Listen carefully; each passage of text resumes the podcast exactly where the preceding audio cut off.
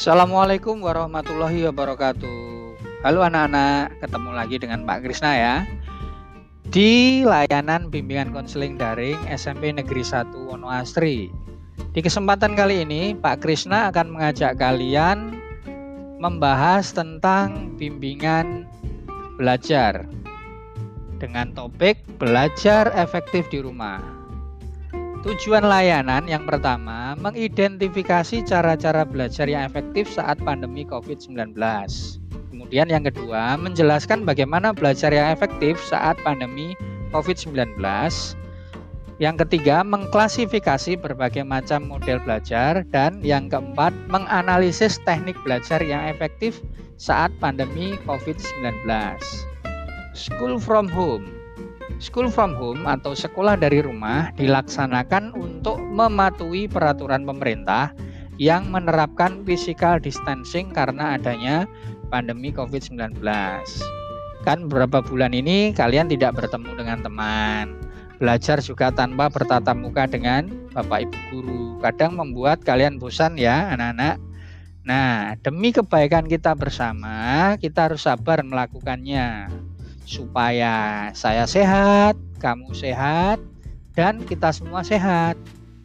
Anyway, untuk mendukung school from home kamu supaya berjalan lancar, kali ini BK lewat Pak Krisna ya mau membagi tips mengenai bagaimana cara belajar efektif di rumah.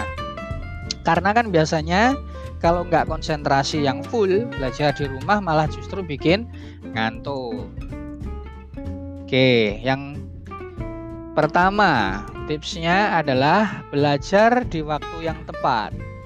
Belajar di rumah membuat waktu belajar kan jadi lebih fleksibel nih. Kalian bisa mengatur jam belajar sesuka hati, ya kan? Namun yang perlu diperhatikan, pilihlah waktu belajar di mana kalian bisa lebih fokus untuk memahami materi, Cah. Karena hal ini setiap orang memiliki waktu fokus yang berbeda-beda. Ada yang pagi hari langsung bisa fokus. Tapi ada juga yang malam hari baru bisa fokus memahami materi.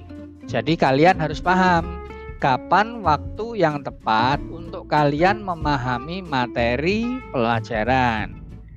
Kan berbeda-beda itu. Yang kedua, atur area belajar yang nyaman.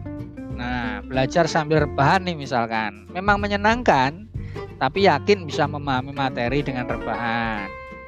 Nggak malah ngantuk itu nanti. Terus ketiduran ya kan?